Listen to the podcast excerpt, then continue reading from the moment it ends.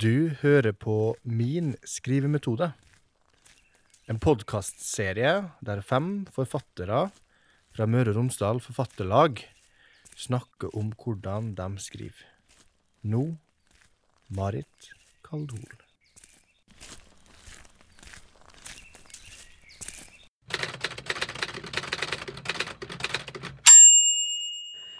Ei novelle er et relativt kort prosaformat, konsentrert om få hendinger og få karakterer.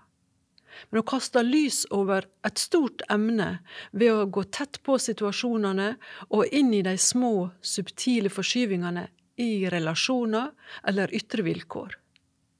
Noveller kan også være nokså åpen i forma. Formatet er et konsentrat av et større innhold.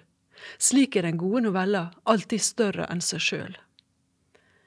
Jeg skal her ta utgangspunkt i novellesamlinga Ennå var de kropper, som kom ut i år på Samlaget, og jeg vil bruke døme fra novellene Skog og Fisk. I Skog møtes to jenter da den ene kommer til en landsby ved ei elv etter å ha rømt fra brann i sin egen landsby. Det oppstår konkurranse mellom dem når den nye jenta blir tatt inn i familien og får merksemd fra faren. I Fisk sitter en mann i fengsel og minnes hendelser som førte han dit, hva han har opplevd der, men òg opplevinga i barndommen sammen med faren, som mellom annet tok han med til et akvarium. Normalt har jeg fire-fem faser i skrivinga. Det er innsamlingsfase, så jeg skriver grovskisse, et førsteutkast, så redigeringsfase, som er den jeg skal gi mest plass til her, så detaljert språkarbeid og til slutt klargjøring for å sende inn. Den første fasen, innsamlingsfasen, går ut på å observere og samle inntrykk, samle stoff. Materialet finner jeg mange forskjellige steder. I radio, aviser, film, fotomateriale, nettmagasin. Og det kan være sakprosa, reportasjestoff, skjønnlitteratur, forskningsstoff, og dessuten i mitt eget hverdagsliv. Det vil si møte med mennesker, i natur, arbeid, lyder jeg hører, sjølopplevde hendinger. Det blir gjerne ei blanding av nyhendestoff, vitenskapsstoff, diverse samfunnsfaglig refleksjon og egne sanseinntrykk. Og til sammen gir dette et mangfoldig tilfang til skrivinga mi. Jeg glemmer mer enn jeg tror, så notatbok og bok og egen mappe på PC-en er flyttet i bruk gjennom hele prosessen. Etter hvert som skrivinga er i gang, leser jeg gjerne også utfyllende stoff om emnet. Målet er både å skaffe rikelig materiale, men òg å sikre at det jeg skriver er korrekt, for jeg vil ikke bli tatt i faktafeil. Det innsamla stoffet og inntrykka er utgangspunktet for skrivinga. Materialet og observasjonene skaper egne bilder i meg. Og tanken bak er at inntrykk skaper uttrykk, som i sin tur setter i gang refleksjoner. Altså at jeg må oppleve, eller på annen måte ta imot inntrykk, og at inntrykka og kunnskapen og bilder setter meg i gang og utvikler seg videre til fortelling. Tid er en viktig faktor. Jeg må gi stoffet tid til å modnes før jeg setter meg til å skrive. Jeg må kjenne at jeg vil noe med det. Kjenne hva som tar tak i meg, hva jeg vil utforske og komme dypere i. Så fasen kan ta et år eller 30. Skriving er prosess. Og for å være mer konkret, som bakgrunnsstoff til Skog, den novella, las jeg om urfolk i regnskogen, om virkelige konflikter som utspiller seg der, om framgangsmåter ved avskoging, om dyreliv, om vegetasjon, og jeg så på bilder, hørte på lyder og mye sånt. Til novella Fisk la seg om forhold i syriske og tyrkiske fengsel, pluss et amerikansk, Guantánamo på Cuba, og dessuten om danning av et underjordisk grottesystem i Mexico, om blinde fisker som lever der, og annet liv i disse grottene. Opplysninger som jeg først fatta interesse for på ei reise i området. Oftest lærer jeg mye mer enn jeg kan bruke i skrivinga, men det tar jeg som en bonus. Novella Fisk åpner med leksikalske fakta om den vesle blinde fisken i Yucatán, Mexico, og kan være et dømme på hvordan jeg bruker noe av det innsamla stoffet. Den begynner slik. Fisken lever i den underjordiske grotta. Fra snuten til enden av sporen er han ikke lenger enn langfingeren din. Han er uten øyne. Han har levd så lenge der lyset ikke finst, at han ikke har synsorgan lenger. I stedet har han utvikla kjenslevare, papiller, i huda rundt snuten. Med papillene leiter han seg fram. Han et, skit, får unger, dør, gjør alt som andre fisker gjør, men gjør det uten lys. Fisken i grotta ser ikke noe av det du ser. Du har øyne, men kan ikke sjå inn i fisken sitt mørke. Her introduserer jeg også et du på slutten, som fører over i nåtidsplanet der fortelleren sitter og venner seg til far sin. Og kanskje ligger et tema gjemt i disse faktaopplysningene også. Så er jeg klar for å skrive ei grov skisse, et første utkast. Og det gjør jeg alltid først med blyant på papir, for da tenker jeg rett og slett bedre. Hvor starta jeg? Sjelden med begynnelsen. Jeg starta med å skrive om det som kjennes viktig, kanskje en detalj. Der det brenner, der jeg kjenner at det kommer nær noe som er personlig, som rører meg kjenslemessig, kanskje noe sårt, eller nær et engasjement for menneskeretter, for klima, natur, noe politisk.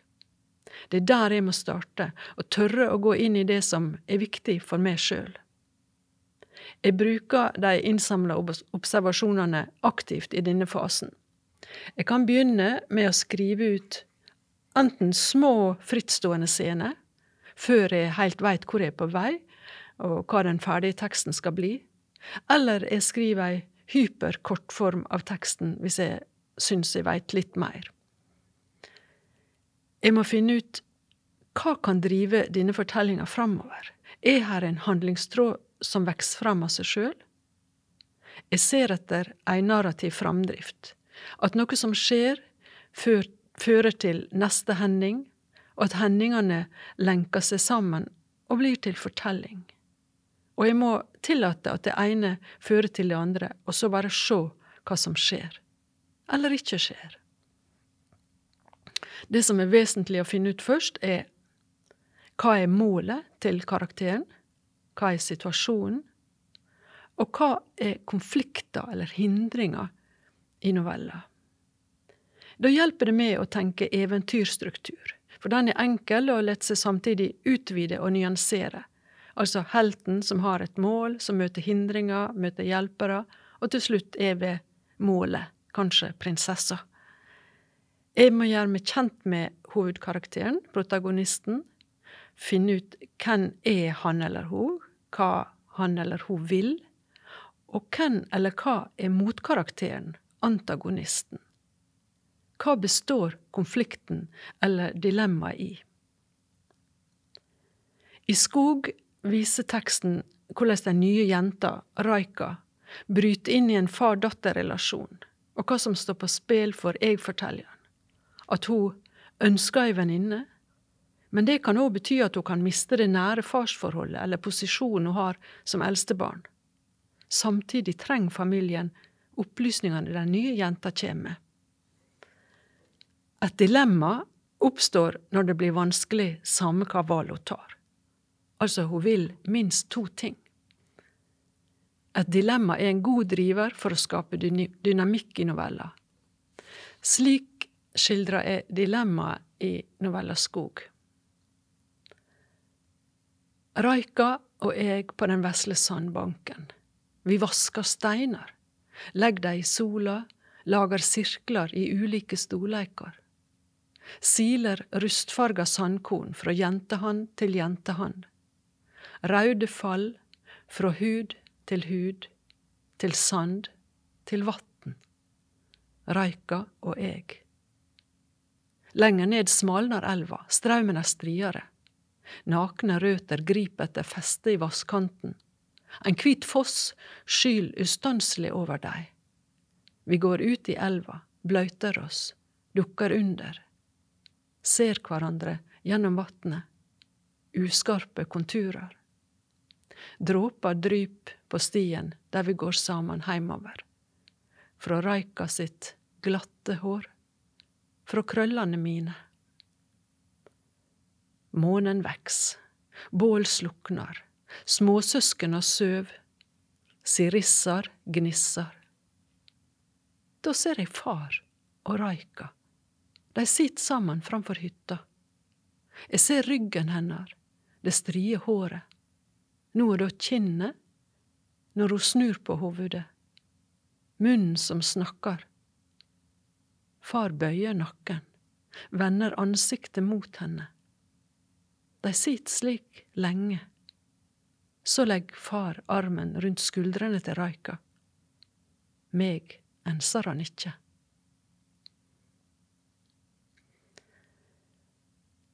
Det kan være både fordeler og ulemper med å skrive disposisjon, altså planlegge skrivinga, kontra det å skrive etter spontane innfall. Oftest skriver jeg ikke ut fra en plan, men lar teksten vokse fram organisk.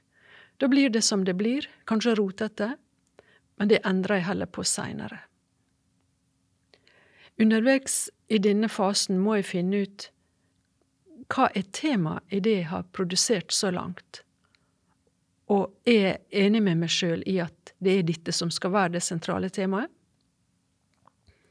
I skog er temaet todelt. Der er det både ytre trugsmål mot skogen og samfunnet, og konflikter på personlig plan, altså far-datter-forhold og sjalusien. De to tematiske trådene påvirker hverandre og driver hverandre fram. I Fisk, derimot, er jeg-fortelleren mest i konflikt med sin egen lagnad.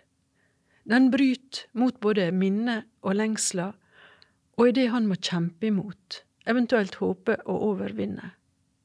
Konflikter ligger ikke så tydelig på handlingsplanet. Her er temaet overleving, mentalt og fysisk. Så kommer jeg til redigeringsfasen. Og når jeg starter på denne fasen, har jeg et skjelett, et første utkast til en hel tekst. Her må jeg evaluere hvor jeg er på vei, gi teksten retning og tydelig struktur, med vekt på hva som gir framdrift, altså konflikter i fortellinga, og hvor jeg har de sterke bilder som kommuniserer og løfter fram temaet. Jeg starter gjerne med å vurdere kronologien i teksten og finne en god dynamikk. Og da flytter jeg gjerne om på avsnitt eller på setninger, særlig eh, åpnings- og sluttscenene. Eh, I Skog hadde jeg f.eks. opprinnelig setninga 'Far er et tre i skogen' i åpninga, for den kommer igjen i slutten. Eh, jeg forkasta den, selv om det kunne ha skapt en fin sirkelkomposisjon.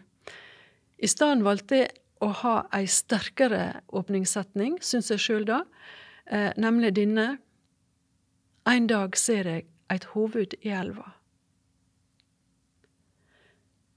For å unngå kjedelig oppbygging fram mot spenning, tenker jeg at spenninga i det første bildet går rett inn i konflikter. At det har spenninga i seg. Men så er kunsten å gå videre oppover derifra. Det betyr at jeg må ha flere konfliktscener på lur, at jeg holder igjen og porsjonerer ut de spenningsmetta scenene. Ikke minst må jeg skape forventning om noe. For forventning gir grunnlag for spenning. Helst vil jeg klare å fange leseren raskt, og sørge for at temaet ligger innbakt i de aller første setningene i tillegg til informasjon om staden, miljøet, karakterene. Leseren må tidlig få en første introduksjon til hvor, hvem og hva det handler om. Åpningsscena i novella Skog legger vekt på relasjonen mellom jentene, samtidig som vi prøver å la en potensiell konflikt ligge mellom linjene. Det første avsnittet går slik. En dag ser jeg et hoved i elva. Små bølger dytter hverandre i vassflata. Da de når buskene ved elvebanen, stikker en arm opp, ei hand griper tak. Ei jente haler seg opp. Hun har gule øyne. Hvor kjem du ifra? Hun peker i uklar retning oppover elva. Vatnet flyter langsomt forbi. Hvor er folket ditt? Jeg veit ikke. Vi hoppa i elva, søster mi og jeg. Hvorfor? Fordi flammene tok husa våre, de fremmede sine flammer. Hvem er de fremmede? Vatnet dryper av kleda hennes. Veit ikke. Og hvor er søster di? Hun ser på meg, biter seg i leppa. Er du aleine? Bare jeg, røyka. Jeg byr henne nøtter fra korga mi. Hun tygger fort. Da jeg går tilbake til landsbyen, følger hun meg, kroppen tett bak min, rask og smidig. Vi er like høye. Hun er den første jeg har møtt som ikke er herifra.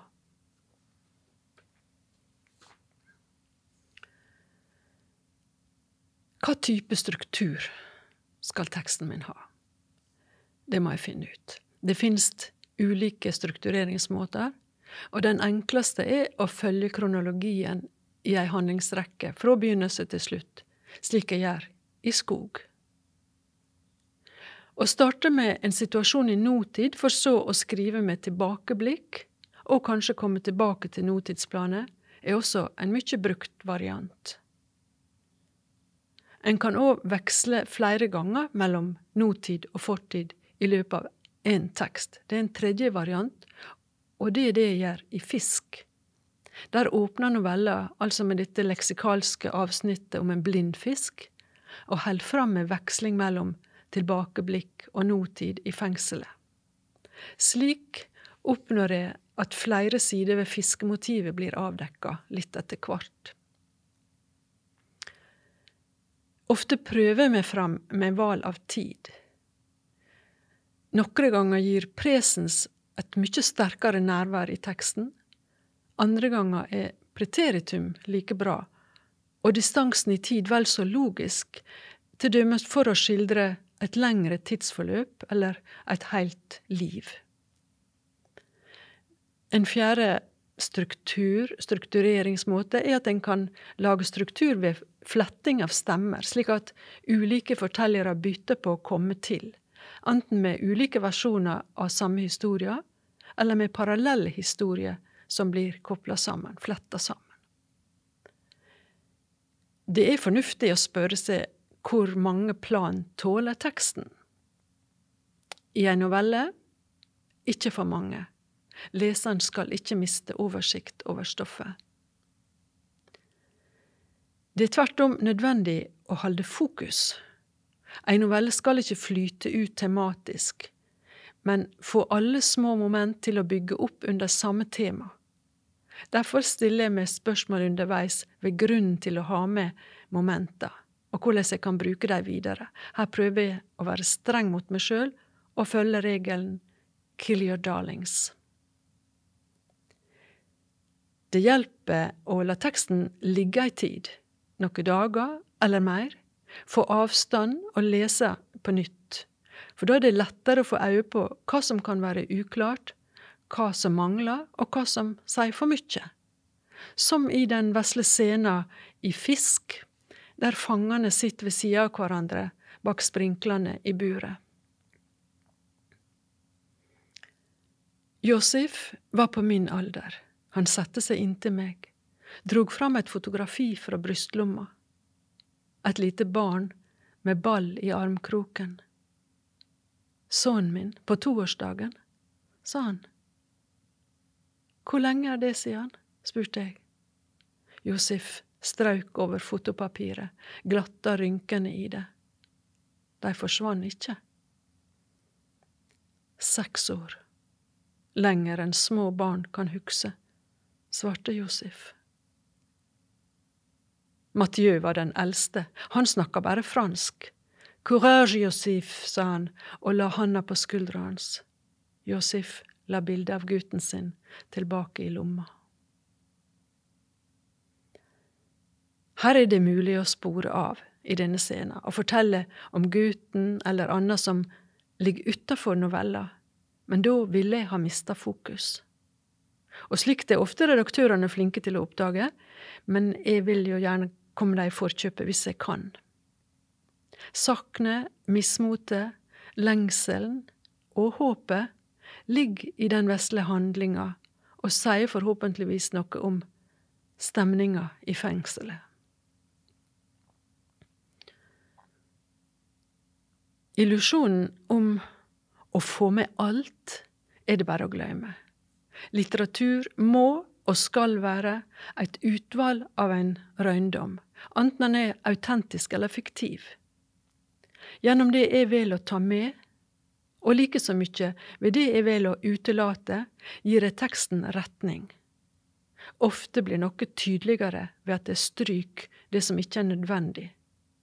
I en overlessa tekst er det vanskeligere å få øye på det vesentlige. I den grad jeg styrer leserens oppleving, er det gjennom utvalg av moment som får være med, ikke gjennom karakteristikker ved hjelp av adjektivbruk eller skildring av kjensler og tanker. Scener med fotografiet viser kanskje hvordan små rørsler uttrykker alt dette mer effektivt. Målet er å vise fram det observerte så presist som mulig. Tilsynelatende objektivt og nøytralt. En tekst som forklarer med rene ord hva karakterene vil, hva de føler osv., punkterer seg sjøl, og viser egentlig mistillit til leserens evne til å tolke. For at karakterene skal ha truverd, er det nødvendig å vise hvem de er, at de er ekte mennesker. Jeg kan teikne miljø og karakterer ved å vise trekk ved utsjånad, som hår, nase, høgd, rørsle, og miljøet ved lyder, farger, temperatur, ting som finnes der, som i åpningsskildringa av den nye jenta i skog. Det gjelder å velge ut representative detaljer. Nok til å gi særpreg, men lite nok til at leseren kan skape egne bilder. Det er det jeg prøver på i scener i skog, der familien blir presentert for nykommeren. Mor legger den minste til brystet da vi kjem. Her er familien min, sier jeg, jeg er eldst av søskena. De ser på den nye jenta. Hva gjør hun her? spør bror min. Helst skikkelig, sier jeg. Landsbygeitene beiter mellom hyttene. De to killingene dulter og stanger hverandre, sparker med bakbeina. Vi går bort til far. Han arbeider videre med øksa i hand. Medan han henter nye tre, tar jeg øksa, kvister. Huda til far er brun som jorda, muskler strammer seg. Disse armene løfta meg opp da jeg var lita, lett meg røre ved greiner høgt oppe. Jeg kjente varmen fra kroppen hans. Nasen kitla mot magen min. Har du lov å bruke øksa? spør Raika. Far stoler på meg, svarer jeg. Adjektiva og verba jeg bruker her, er nøytrale. Ord som hud, brun, jorda, muskler, strammer, løfter og greiner. Men de har ei visuell kraft i seg fordi de er konkrete og kan gi leseren et bilde av noe fysisk, og hva miljø og menneske dette er. Opplysningene er sparsomme, men jeg stoler på at leseren kan bruke dem til å skape egne bilder.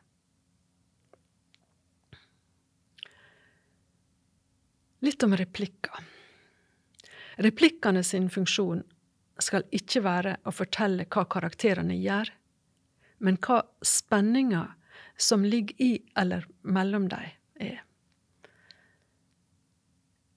I replikken sin undertekst, det vil si det som blir uttrykt indirekte, forsøker jeg å være nær novella si tematiske kjerne, og å unngå å forklare hvorfor noe blir sagt, og hva karakteren egentlig vil oppnå, hva kjensler, tanker osv. som ligger bak.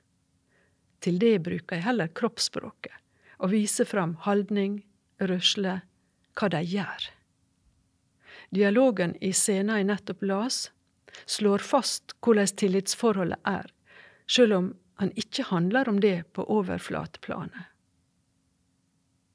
Og seinere, da de oppdaga gravemaskiner som raserer skogen, sier Raika, den nye jenta, du må varsle far, skund deg, han er ikke din far. Svarer jeg fortelleren. Og her er konflikter om relasjonen til faren åpner mellom dem. På overflateplanet handler det om hvem som skal varsle. Replikker gir òg godt høve til å skape bråtflate i teksten, ved å snakke om noe tilsynelatende utafor situasjonen, og bryte opp ei stemning på den måten. Vi så det i Døme fra fisk, i scenen med det knørva fotografiet. Der er replikkene faktaopplysninger, kroppsspråket òg, men under ligger djupe kjensler, og jeg stoler på at leseren ser og forstår dem, både fingeren som stryker over fotografiet, og det at han gjemmer det i lomma igjen. Ei god novelle trenger å veksle i stemning. Det kan være så banalt som veksling i vær, i tid på døgnet, årstid og lignende, for og målet er hele tida å få til en dynamikk. Det kan òg handle om å drage leseren inn i noe som likner ei emosjonell sentrifuge, som ei scene i novella Skog, der idyllen ved elva brått snur til nær drukning. Brå veksling mellom humor og alvor, eh, alvor, eller noe som er farlig, er også et grep som kan fungere godt. Ved å holde igjen opplysninger og porsjonere dem ut langsomt, holder teksten på spenninga. Ved å antyde i stedet for å fortelle alt, gir jeg fòr til leserens forestillingsevne og empati. Jeg går gjennom teksten og leter etter element som kan strykes, enten fordi de avslører eller forklarer for mye, eller eh, der jeg kan få bedre effekt ved at jeg flytter dem lenger bak. Dette er samtidig en måte å bygge opp spenning på. Kanskje gi leseren ei aning om hva som kommer til å skje gjerne før karakterene i teksten forstår det sjølve. I løpet av ei novelle kan jeg utvikle et motiv. Altså, i motsetning til å strø stadig nye motiv utover, kan et sentralt motiv få utvida mening ved at jeg bruker det i nye sammenhenger og ser det fra flere perspektiv osv. Et interessant motiv brukt på en god måte kan løfte og gi særpreg til hele teksten, og bli det leseren husker novella for. Det er grunn til å velge motiv med omhu. Elva i skog er et sentralt motiv ved sida av skogen sjøl. Det er ikke verken originalt eller eksotisk, men det er universelt og rikt på assosiasjoner. Elva i novella mi er både livgivende og farlig. Hun gir mat, hun er rømmingsveg, hun kan være en stad å leike, eller å drukne. Det viser fram gjennom ulike scener som utspiller seg i og ved elva. Fisken er det sentrale motivet i fisk, naturlig nok, og har kanskje et motstykke i havet som motiv. Fisken viser fram både som innestengt og fri, som levende og etter hvert støpt i glass. At fisken har andre måter å orientere seg på, utvikle andre organ, at jeg og du ikke kan se inn i fisken sitt mørke, fisken sine livsfunksjoner, disse faktaopplysningene gir paralleller til jeg-fortelleren sin situasjon. Den stivna glassfisken til slutt får mening på bakgrunn av det levende motivet, og viser at det skjer ei endring i status eller livsvilkår. Og i denne fasen, som er kanskje den lengste, gjør økter med fysisk aktivitet og praktisk arbeid godt. Rett og slett å frikoble hjerneaktiviteten. Det er produktivt. Og det gir også distanse, om så bare fra en dag til den neste. Det klarner blikket og gjør at jeg ser teksten med mer fordomsfrie øyne, kanskje slik en leser vil oppleve den. Når den store første eh, utkastet er klart, og redigeringsarbeidet, grovarbeidet, er gjort, så begynner jeg å arbeide med språket på detaljplan. Og jeg tar gjerne flere omganger med det. For meg gjelder det at et knapt språk kan være utvidende for teksten, gi rom for aktiv lesing. Jeg har tillit til kroppsspråk, heller det enn utfyllende skildringer. Jeg vil ha setninger som er åpne for lesertolking, som i åpningsscenen i Skog, der de to jentene møtes, og jeg-fortelleren spør Hvor er søster di? Hun ser på meg, biter seg i leppa. Bare det blikket, og det å bite seg i leppa, står i stedet for ei lang forklaring på hvor søstera er blitt av, og hva kjensler, hva spørsmål osv. hun som svarer, har rundt det. Eller i Fisk, der jeg-personen blir frakta ut til fengselet på denne øya. Der står det. Jeg så øya under meg før vi landa. Forma likna et lauv som flaut på havet. Her gir jeg sammenlikninga med et lauv på havet i stedet for forklaringa om hvor ensomt, avsondra og utilgjengelig det ser ut til å være, og alle konsekvensene som følger av det. Et lauv som flyter viljeløst og tilfeldig omkring på vatnet, får være bilde på situasjonen som venter. Jeg setter ikke direkte ord på det, men jeg overlater til leseren å finne assosiasjoner som gir mening. Det jeg prøver å oppnå, er at språket skal skape bilde i leseren under lesinga, fordi det gir ei oppleving av medskaping og eierskap til historia, som aller helst skal likne på å få en film spilt gjennom hovedet. Den visualiserende krafta i språket finst særlig i de konkrete orda. Ord som lauv, flyte, nøtter, tygge, elv er alle ting eller handlinger det er lett å se for seg, i motsetning til ord som engstelig, nervøs, glad, tilfeldig og flere. Et upresist språk står i veien for klarbildet, så her må jeg velge ord med stor omhu. Unngå at bilder står i veien for hverandre. Jeg ser òg over at det ikke gjentar ord eller setninger unødig, eller bruker for mange ord. Ofte kan to setninger bli skrevet sammen til ei.